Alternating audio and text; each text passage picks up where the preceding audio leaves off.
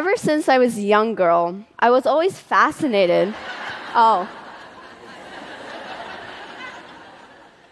Okay, I meant younger and more short, if that's possible to imagine.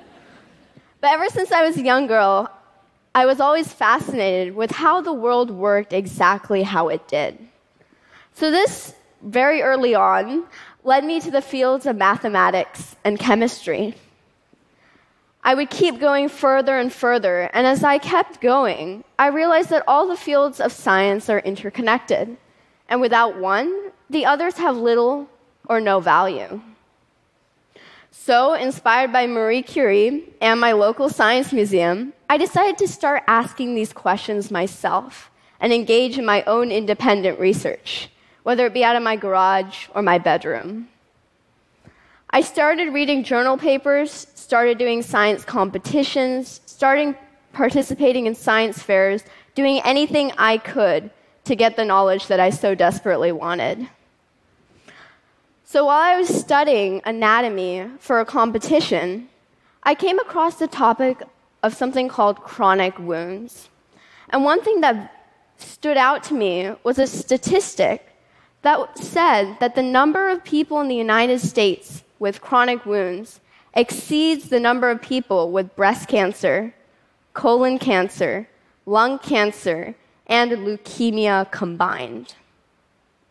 Hold up. So, what is a chronic wound? And why haven't I heard about 5K walks for chronic wounds? Why haven't I even heard about a chronic wound in general? So, after I got past those preliminary questions, and one that I will clarify for you, a chronic wound is essentially when someone gets a normal wound, except it fails to heal normally because the patient has some kind of pre existing condition which in most cases is diabetes. So, more staggering statistics were to be found as I kept going on in this research. In the year 2010 alone, $50 billion were spent worldwide to treat chronic wounds. In addition, it's estimated that about 2% of the population will get a chronic wound at some point in their lifetime. This was absurd. So, as I started doing more research, I found that there was a correlation between the moisture level inside a wound dressing and the stage of healing that the chronic wound would be at. So, I decided, why don't I design something to measure the moisture level within the wound so this can help doctors and patients treat their wounds better and essentially expedite the healing process. So, that's exactly what I set out to do. Being a 14 year old working out of her garage turned lab, I had a lot of constraints. Most being that I wasn't given a grant, I wasn't given a lot of money, and I wasn't given a lot of resources. In addition, I had a lot of criteria as well. Since this product would be readily interacting with the body, it had to be biocompatible. It also had to be low cost, as I was designing it and paying for it myself. It also has to be mass manufacturable because I want it to be made anywhere for anyone. Thus, I drafted up a schematic. What you see on the left hand side is um, the early schematics of my design, showing both a bird's eye view and also one stacking variant. A stacking variant means that the entire product is consisted of different individual parts that have to work in unison, and What's shown there is one possible arrangement. So, what exactly is this? So, I got on to testing my sensors, and as all scientists have stumbles along their work, I also had a couple of problems in my first generation of sensors. First of all, I couldn't figure out how to get nanoparticle ink into a, pink, a print check cartridge without spilling it all over my carpet. That was problem number one.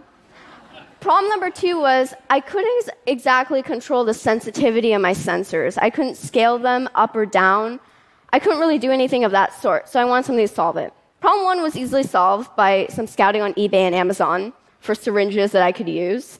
Problem two, however, required a lot more thought. So this is where this factors in. So what a space filling curve does is it aims to take up all the area it can within one unit square. And by writing a computer program, you can have different iterations of the different curve, which increasingly gets close to one unit square, but never quite reaches there. So now I could control the thickness, the size. I could do whatever I want with it, and I could predict my results. So I started constructing my sensors and testing them more rigorously using money that I'd gotten from previous science fair awards. Lastly, I had to connect this data in order to be read. So I interfaced it with a Bluetooth chip which you can see here by the app screenshots on the right.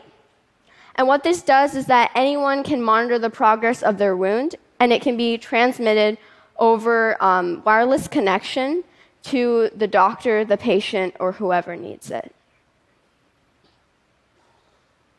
So, in conclusion, my design was successful. However, science never ends. There's always something to be done, something to be refined. So that's what I'm currently in the process of doing. However, what I learned was what's more important than the actual thing I designed is an attitude that I had taken on while doing this. And that attitude was even though I'm a 14 year old working in her garage on something that she doesn't completely understand, I could still make a difference and contribute to the field. And that's what inspired me to keep going. And I hope it inspires many others to also do work like this, even though they're not very sure about it. So I hope that's a message that you all take on today. Thank you.